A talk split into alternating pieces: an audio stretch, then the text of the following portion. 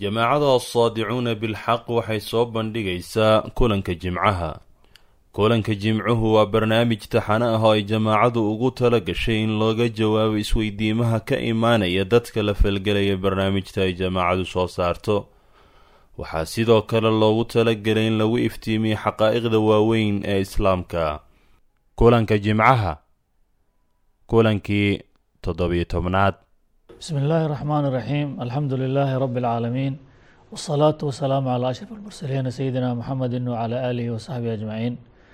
ama bacd assalaamu calaykum waraxmat ullaahi wabarakaatuhu waa mar kale iyo barnaamijkani taxanaha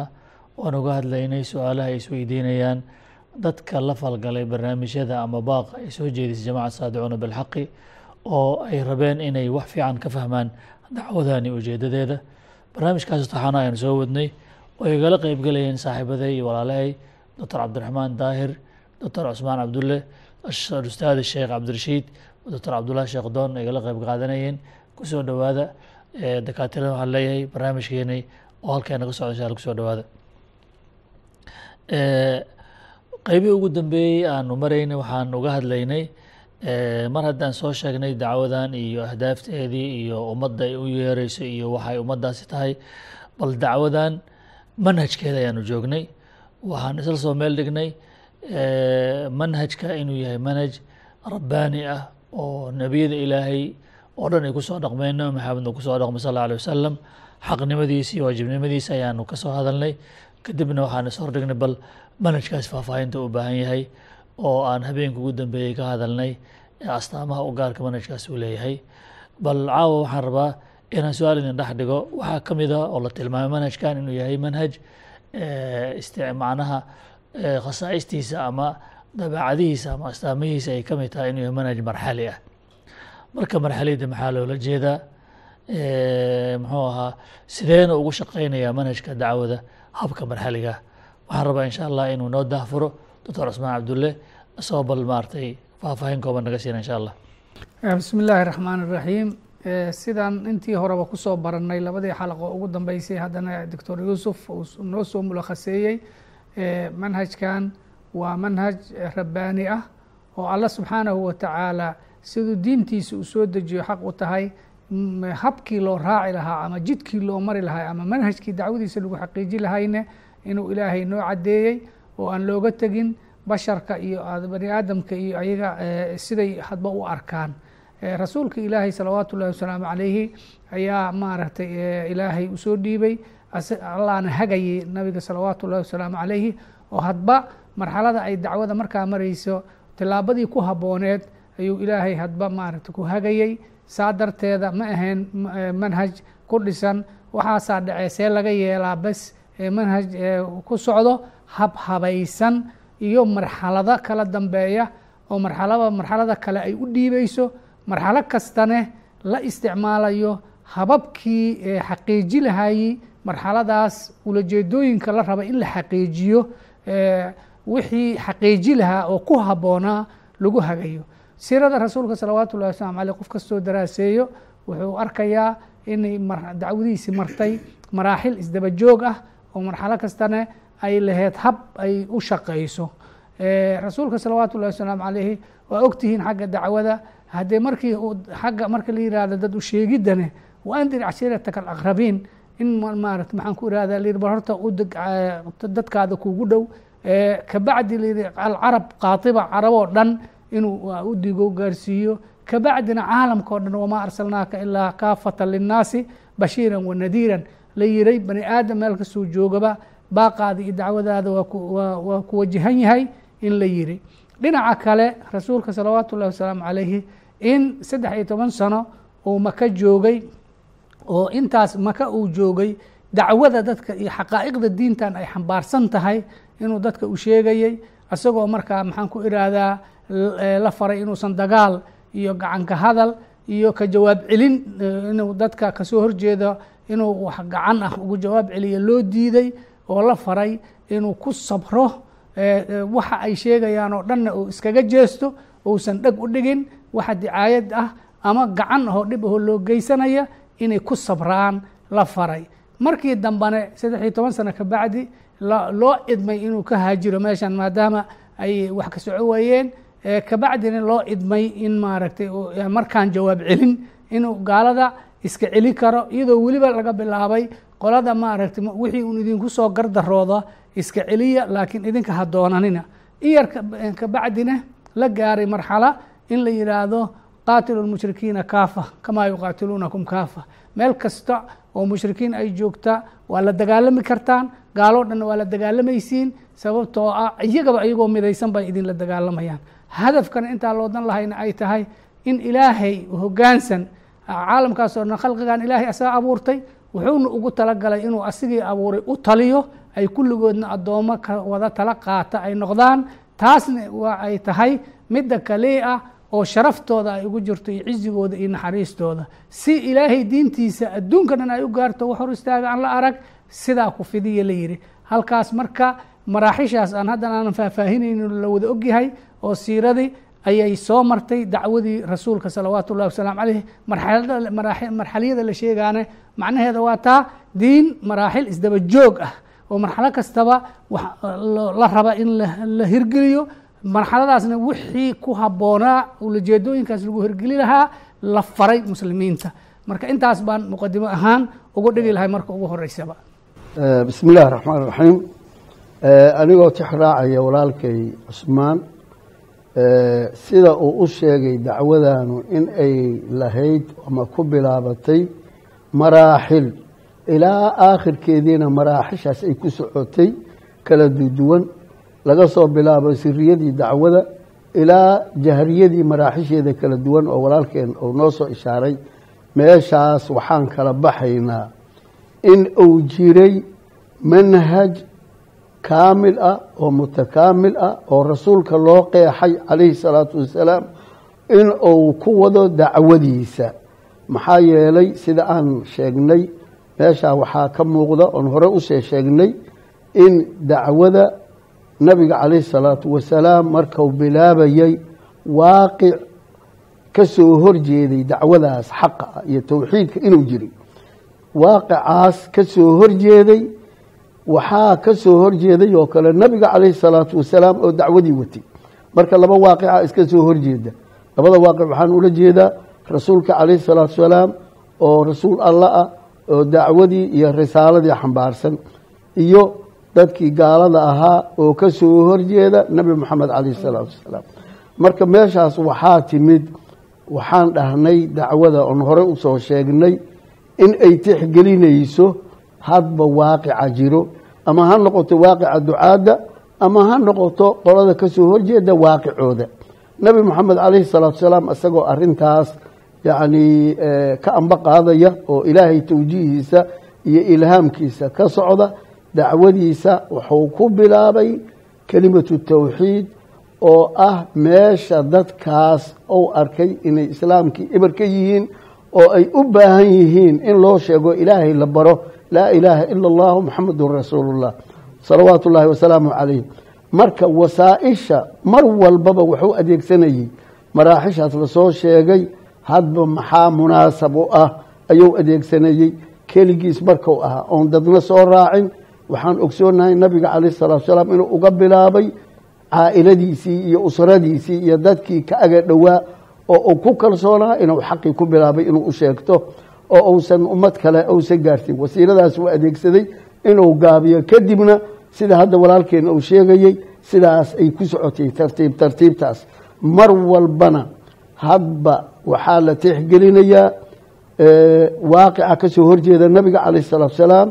iyo xaqa hadba meesha uu marayo ayaa la tixgelinayaa tartiib tartiibtaas ayaa dacwadu ku soconaysay oo sidaas xaqa dadka loo gaarsiinayey wasiilada la adeegsanaya ama hababka uu adeegsanaya nebi maxamedna calayhi salaatu wasalaam iyo sida uu dadka u gaarsiinayana waxaa loo munaasabeynayey hadba marxalada la marayo dacwada. Waxaan ogsoonahay towxiidka markii laga bilaabay caqiidadii oo dhan baa ayaa loo sharxayey dadka. Ilaa fatradaas maalin walbaba waa la sii waasicinayay maalin walbaba waa la sii waasicinayay markaa kadib nusuusta marxaliga ah oo nebi maxamed lagu soo dejinaya calayhi salaatu wasalaam. Haddaan soo qaadano waxaan arkaynaa inay hadba munaasab u ahayd marxalada la joogo. Marxaladii maka la joogay waxaa lagu soo dejinayey umuuru alcaqadiya ama waxyaabaha caqiidada oo inay rumeeyaan sida towxiidkii sida yowm alaakhara sida muxuu ahaa muxuu ahaa maaragtay islaamka asaasiyaadkiisii iyo usuushiisii ayaa maaragtay tartiib tartiib loogu sheegayey ilaa markii la gaaray muxuu ahaa marxala madaniya oo maka laga tegay ay isbedeshay matalan markaan soo qaadno arinta xaakimiyada oon ku soo sheegnay inay tahay umuuraha asaasiga ah marxaladaas koowaad markii la marayey waxaa loo sheegay ka mabda ahaan in ilaahay subxaanahu watacaala koonkan uu abuuray wa min hama in ilaahay taladiisa iska leeyahay. Dadka taasaa la fahamsiiyey. Markii maaragtay arrintaa la sii socday waxaa la fahamsiiyey dadka in ilaahay subxaanahu watacaala wax aan ahayn oo talada iskale inaysan jirin. In alxukmu ila lilah amara an laa tacbuduu ilaa iyaah marka arinta sidaas ay ku socotay ayaa markii dambe waa tii la gaaray markii madiine la tegey oo dowlad islaam la helay oo duruuftii iyo waaqicii dadka iyo waaqicii islaamka ou isbedelay waata la gaaray in yani xukumkii in dadkii lagu amro inay ilahay kitaabkiisa xukum tagaan sidaas bay ahayd. Marka waxay ku socotaa dacwadaasu sida qur'aanka ilaahay subxaanaه wa tacaala uu ku cadeeyey munajam ahoo tartiib tartiib ah waqur'aana faraqnaahu litaqra'ahu calى الnaasi calىa muksib wanazalnaahu tanziila hadba calىa xasbi اlxaaja ayaa maaragtay lagu waday ilaa muxuu ahaa maaragtay dacwadan ay ka gaartay taas waxay ku tusinaysaa in dacwadaas ay ahayd ayna tahay dacwada islaamka sideedaba naxariis ilaahay bani aadamka oo ugu talagalay dadku waa inaysan u arag in dacwadanu ay tahay wax ayaga kasoo horjeeda war dacwadan waa shay naxariisa oo dadka loogu naxariisanayo oo hadba waxay fahmi karaan loo sheegayo oo waxayna fahmi karin dib looga dhigayo ilaa ay gaaraan mustawe ay fahmaan. Waana midda loo baahan yahay dadka ducaadda ah oo annagu maanta aan ka mid nahay inay dadka ay aqoonsadaan mustawaha iyo marxalada dadka ay dacwada u sheegayaan ay marayaan. Maxaa ka khaldan dadka? Maxaa u saxan? Xaggee dadku joogaan diinta ilaahay ka joogaan beeshaas qofka daacigasado waxaa u soo baxaysa waxa ku munaasabka ah qofka madcuwigaah loo yeerayo iyo muxuu ahaa maaragtay waxaan munaasab u ahayn. Walidaalika xikmaddii iyo manhajkii ilaahay ugu talagalay subxaanahu wa tacaala dacwadan inay ku socoto oo ambiyadii ilaahay lagu soo bilaabay oo nebi maxamed lagu soo khatimay calayhi salaatu wasalaam ayaa waajib ah. Dadka ducaadda maanta ana inay qaadaan maxaa yeelay ilaahay wuxuu yihi subxaanahu wa tacaala uswatun xasanatun ayaa fii rasuulillahi in kugu sugnaatay. Waxaa weeye dhan kasta inaan nabiga uga dayanaa la rabaa calayhi salaatu wasalaam hadday noqoto sow dadka ugu naxariisan jiray hadday noqoto usluubka u qadimi jiray hadday noqoto asaasiyaadka uu ka bilaabi jiray haddii ay noqoto waxyaabaha uu tarkiisin jiray iyo tadarujka iyo tartiibta uu wax ku wadi jiray annagana sidaas ayaa nalagaga baahan yahay inaan sidaas xaqa u fahmno dadka xaqa aan u sheegaynana inaanan muxuu ahaa aanan ahayn dad dadkii ka soo horjeeday aan nahay dad dadkii u naxariisanaya oo sidii nabiga moxamed alayh sala sl ilaah u yihi wamaa arsalnaaka ilaa raxmatan lilcaalamiina naxariistaas inay tahay diinta annagana aan naxariistii aan wadno intaasaan maaragtay ku dari lahaa walaalkay tacliiqiisa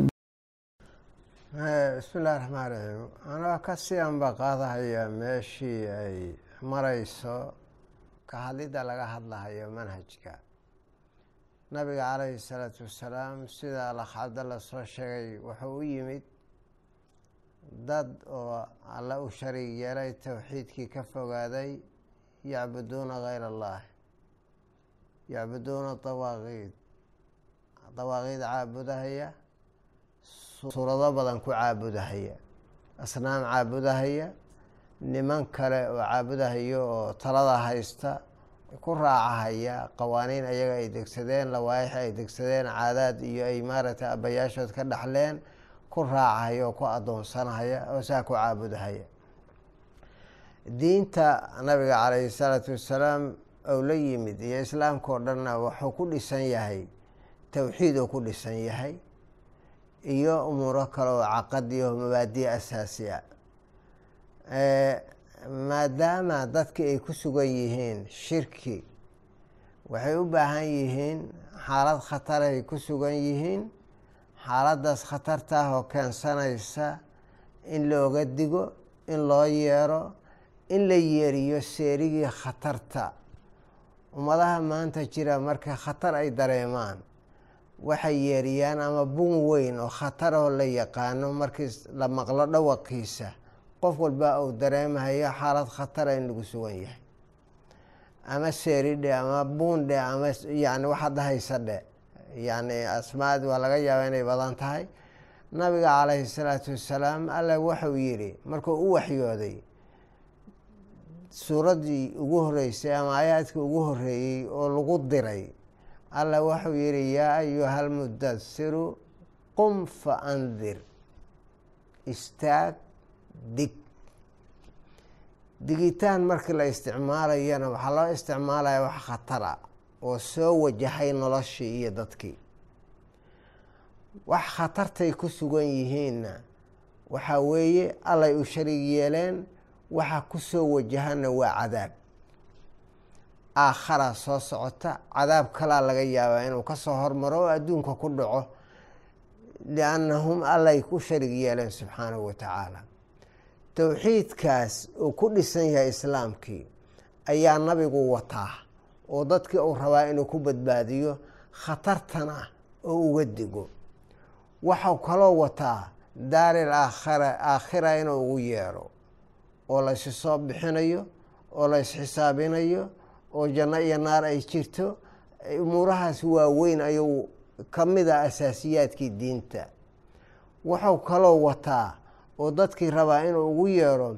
rijsi bay ku dhex jiraan wasakhay ku dhex jiraan akhlaaqiyaad xun aathaan fara badan iyo macaasi ayay ku dhex jiraan. Inuu naftoodii tahdiibiyo inuu dahiro inuu akhlaaqiyaadkooda iyo nafsiyaadkoodiiba uu tahdiibiyo oo uu sifeeyo oo uu dahiro ayuu wataa. Intuna dadka kuma sahlana kuma sahlana ay alla keligiis hala caabudo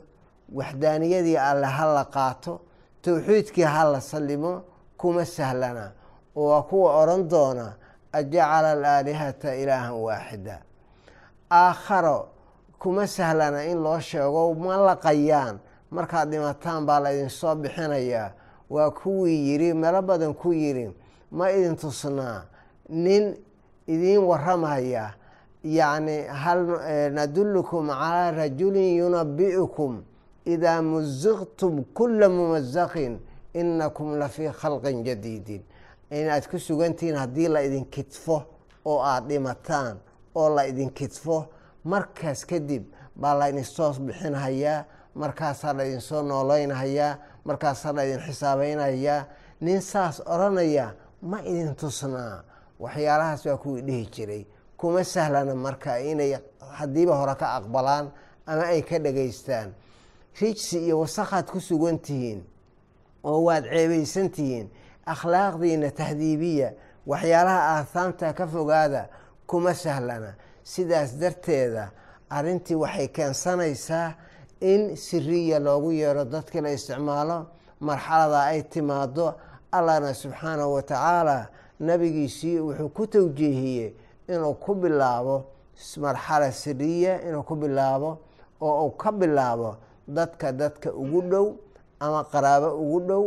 Sideedaba maaragtay wa andir cashiirataka alaqrabiina nabigu markuu isu u yeerahayo aayaddaas tadbiiqinahaye quraysh oo dhan buu ugu yeera marka quraysh oo dhan waa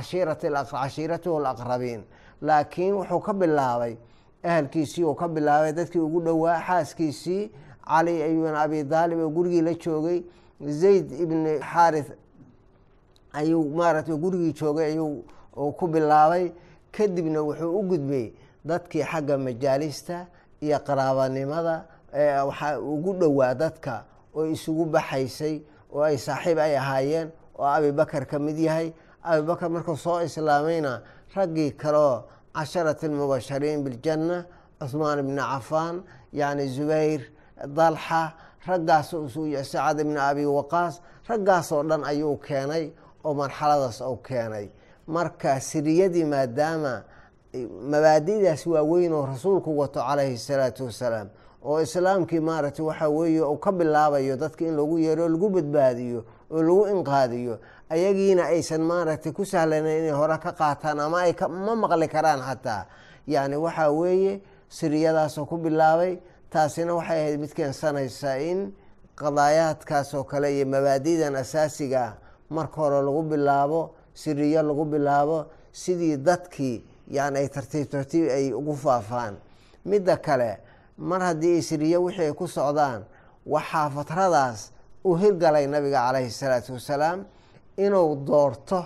oo mujtamacii uu ka doorto dadka uu is leeyahay dadkay ugu akhyaarsan yihiin waxay aqbalayaan dacwadii isdifaac waxa la yihahdo af carabiga lagu yiraahdo inuu doorto asagoo ashkhaasta oo diintii ugu hormarinayo ugu yeerayo ayaa u suurto gashay nabiga calayhi salaatu wasalaam. Waxaa kaloo u suurto galay maadaama aayaadkii qur'aankii soo degahayay waagaas ama marxaladaas ay aayaadkan ugu horeeyeen qum fa andir wa rabbaka fakabir waa towxiidkii alla in la weyneeyo wax kasta in laga weyneeyo mashaacirta lagu weyneeyo qulubta lagu weyneeyo daacada iyo khuduuca lagu weyneeyo oo laga saro mariyo wax kasta oo jira adduunka laga saro mariyo rabbaka fakabir wa hiyaabaka fadahir waxay loo jeedaa waxaa weeye dharkaaga dharka xisiyan looma jeedo waxyaalaha najaasaadka oo macnawiyaadkaa dharkaaga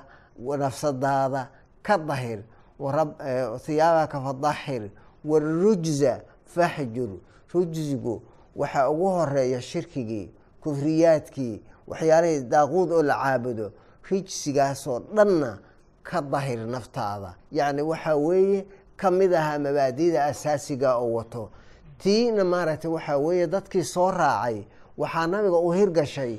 inuu ku fuliyo naftoodii dahiro cibaadaadkii iyo alla subxaanahu wa tacaala qumi layla ilaa qaliila nisfahu aw inqus minhu aw qaliila aw zid calayhi waratil ilqur'aana tartiila aayaadkaas ayay ahaayeen aayaadkii ugu horreeyey oo soo degay. Marka waxaa lagu ta'siilinayaa alla inay caabudaan uluuhiyadiisii inay dareemaan mashaacirtooda ay qabsato oo ay saydarayso oo masaaxo weyn ka qabsato shucuurkoodii iyo dareenkooda ay ka qabsato meel weyn ay ka qabsato saas ay naftooda alle ugu addoomiyaan. Waxyaalahaasoo dhan ayaa maaragtay waxaa weeye asaasi ahaa nabigana u hirgalay dadkiiyo maarata waxaa weeye ayuu xaqiijiyey fatradaas anigoo tix raacaya maarata doctor cabdiraxmaan marxaladii uu hadda soo qeexay oo ahayd rasuulka calayhi salaatu wasalaam inuu ku bilaabay dacwada siriya siriyadana mataqaana hadafkeeda u ah suu macnaha noo soo sheegay doctoorka in la soo saaro dad canaasir yani macnaha maarata kafaa caali leh oo ilaahay subxaanahu watacaala diintiisa u noqda macnaha maarata waxaan saldhig ama macnaha siday maarata culamadu ku sheegeen macnaha qaacida salbi lihada diin. Markay qaacidadaas u samaysantay rasuulka calayhi salaatu wasalaam ilaahay wuxuu faray inuu xaqa macnaha daha ka qaado oo ayad waxaa soo degtay ilahay uu ku leeyahay fasdac bimaa tu'mar wa acrid can lmushrikiin waxaan shaki ku jirin rasuulka calayhi salaatu wasalaam aayaddaas iyada markay ku soo degtay in uu dareemay mataqaana muhimada iyo culayska saaran inuu yahay caalamkanoo dhan inuu mataqaana xaqi u sheegay taas iyada macnaha maxay keensanaysaa risaaladan nabiga calayhi salaatu wasalaam uu macnaha la yimid horta waa risaaladii ugu dambeysay ee macnaha rasuul lala soo diray waa risaala alkhaatam sidaa daraaddeed risaalada waxay macnaha muwajah ku tahay caalamkan oo dhan basharka oo dhan bal macnaha bashar keliya macnaha mataqana xaja xataa jinniga ay risaalada muwajah ku tahay. Yani rasuulka calayhi salaatu wasalaam way macnaha rasuulka keliya ee ilaahay u soo diray macnaha waxaa weeye jinni iyo insi.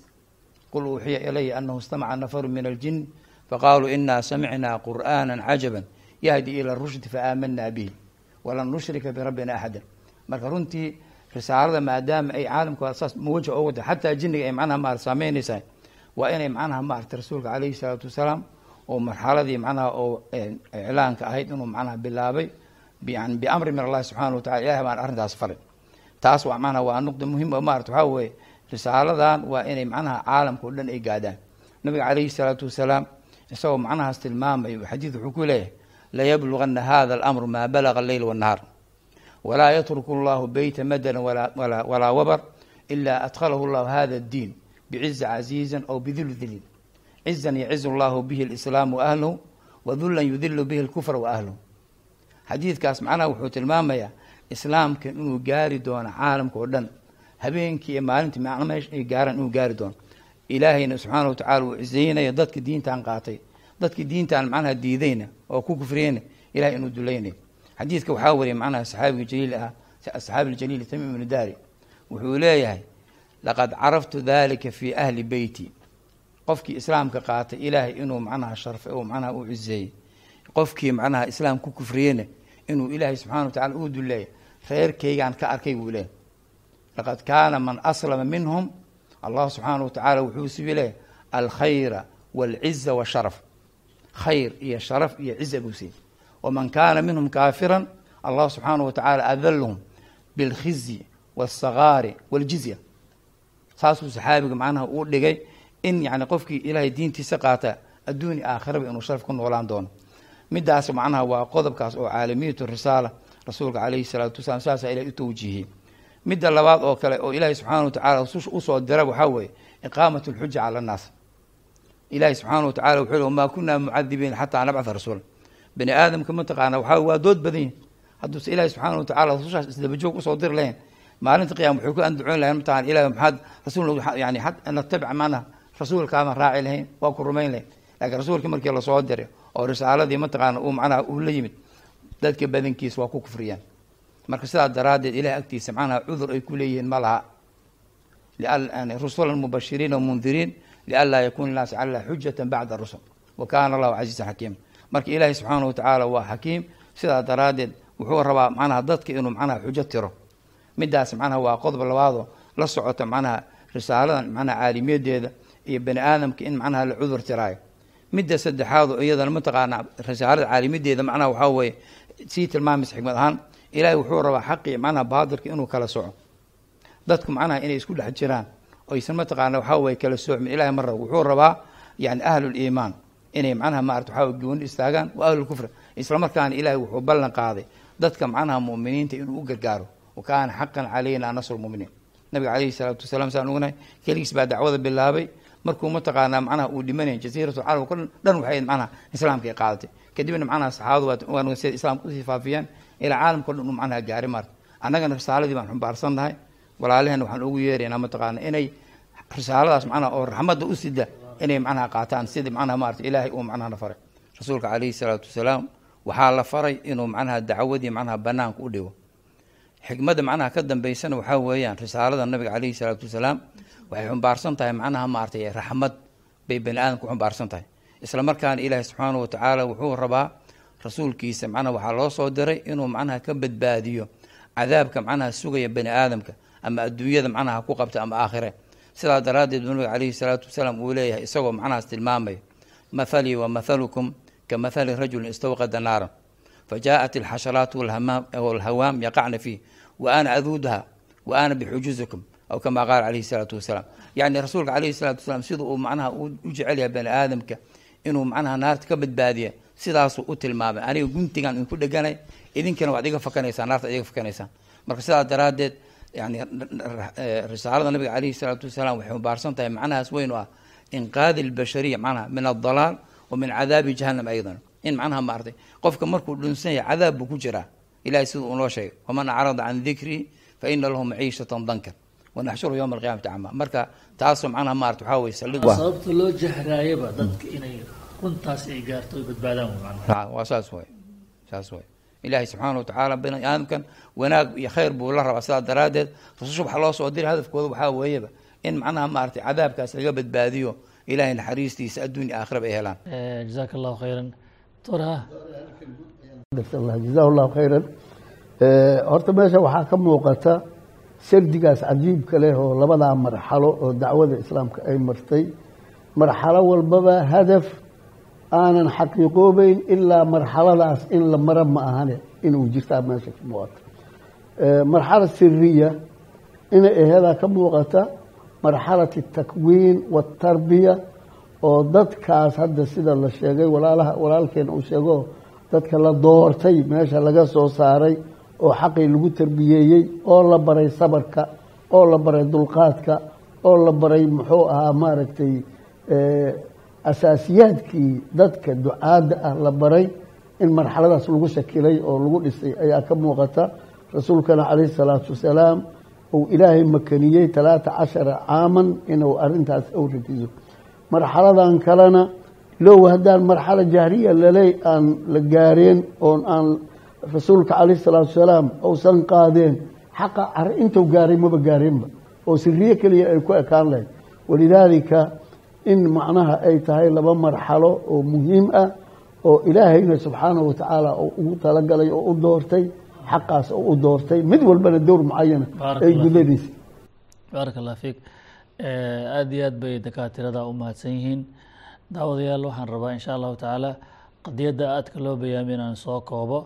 Waxaa meesha ka muuqato dacwadan yacni ujeedada ay leedahay ahdaafta ay leedahay inay wacadcaddahay oo maheshay hiigsanayso iyo waxay u socoto ay garanayso waa maxay in islaamka la xaqiijiyo oo dhulkan diinta ilaahay ay ka istaagto? Diinta ilaahay ka istaagto waa maxay? Baatilka iyo kufriga iyo shirkiga la tirtiro oo diinta ilaahay istaagta hadafkeeda yahay. Hadafka gaaritaankiisa dariiqay u mar lehed baa manhajka aanu ku soo tilmaanay. Manhajkaasina markaasuu arrintaa u xaqiijiyo ayaan caawa isla aragnay. Inay ahayn ku soo boodo inay ahayn ku orod inay ahayn tallaabo macnaa ka tatallaabsi bal barnaamij xadidan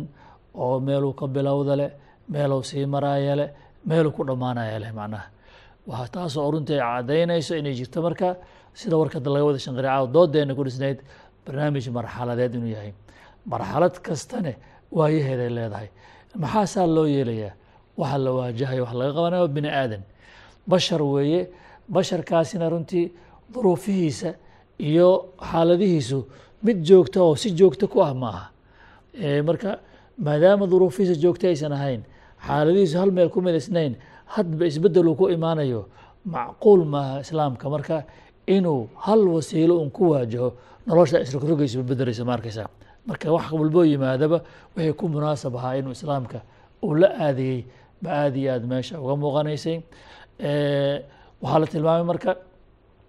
hakan maayo horaa loo soo sheegay wajahada dhabta islaamka ujeeda waa maxay? In shirkiga la tuuro oo tawxiidka la sugo oo xaqiiqadaas xaqiiqo weyn oo saa u ballaaran ay tahay sheegitaankeeda ama gaarsiinteeda sir baa lagu bilaabay. Dorkata u sharaxay sirtaa maxaa loogu bilaabay? Waxaa loogu bilaaba waa maxay? In loo baahan yahay muxuu ahaa in mataqaanaa dacwadan ay yeelato aasaas iyo tiir adag ay ku soo hirato. In loo baahan yahay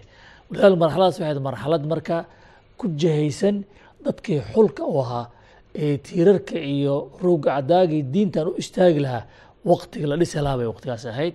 Walidaalika taariikhdana ay ku caddahay raggii waqtigaa diinta soo raacay ee saxaabadii ajilada ahaa doorka islaamka waagii dambe ka qaateen meesha ay gaarsiiyeen. Marka marxaladaas waxayd marxaladii buddhigga iyo aasaasu samaynta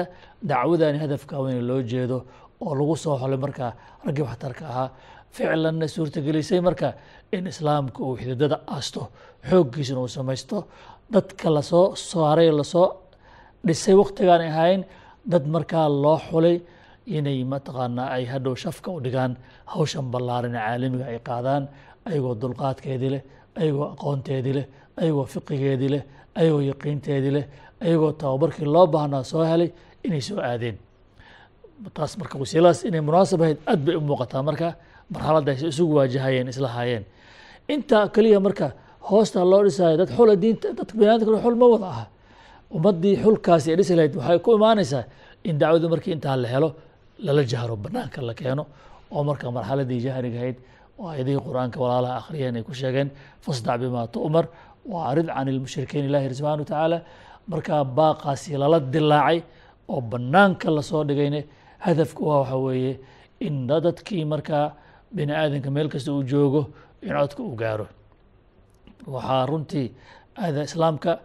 waa diinta ilaahay. Basharka oo dhan bini aadamka o dhanna waa addoommada ilaahay. Hore u soo sheegnay xuduudahan meelaha laga sameeyey oo ree hebel ree hebel islaamku ma aqoonsana. Dhulka o dhan waa dhulka ilaahay dadka o dhan waa addoommada ilaahay. Marka waa in dadka o dhan diinta ay gaarto kumana gaari karto marka guri laab lagula jiro hoos wax loo dhan kuma gaari karto. Dad gaar leh waa inay dacwada banaanka u soo baxda oo lala jahraa. Jahrigaasi marka waa marxaladda labaad oo timid oo keentay marka cod weyn oo culus oo ballaaran in caalamka meel walba u gaaro iyadoo aayadaha ilaah ay tilmaamahayeen sidaas walaalaha hadday soo wada cabireen maxaa yeelay haddaan lala jahrin oo aan dacwada banaanka saa loo dhigin suuragal ma ahaanayso marka in maxaan ku raha caalamiye dadka si caalimba dadko dhan gaaraan. Maxaa dadka ma xoroobi karaan in loo sheego in allah ilaahooda u yahay maarata